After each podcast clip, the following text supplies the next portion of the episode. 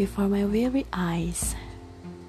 Here lies the coldest bedroom on this monsoon afternoon, where I forever read your letter from the last to June. Hard, but not quite stormy. Tiny droplets surround me beyond the shiver and the empty. Darkness always falls before misery. I praise the suffocating air around me, where time never wants to break free outside the rusty windows. I see nobody there's playing but mist. I guess today even God ceases to exist.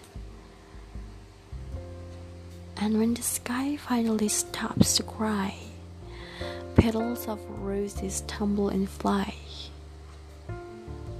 My head is empty with a thousand goodbyes. I think it's time for the memories to die.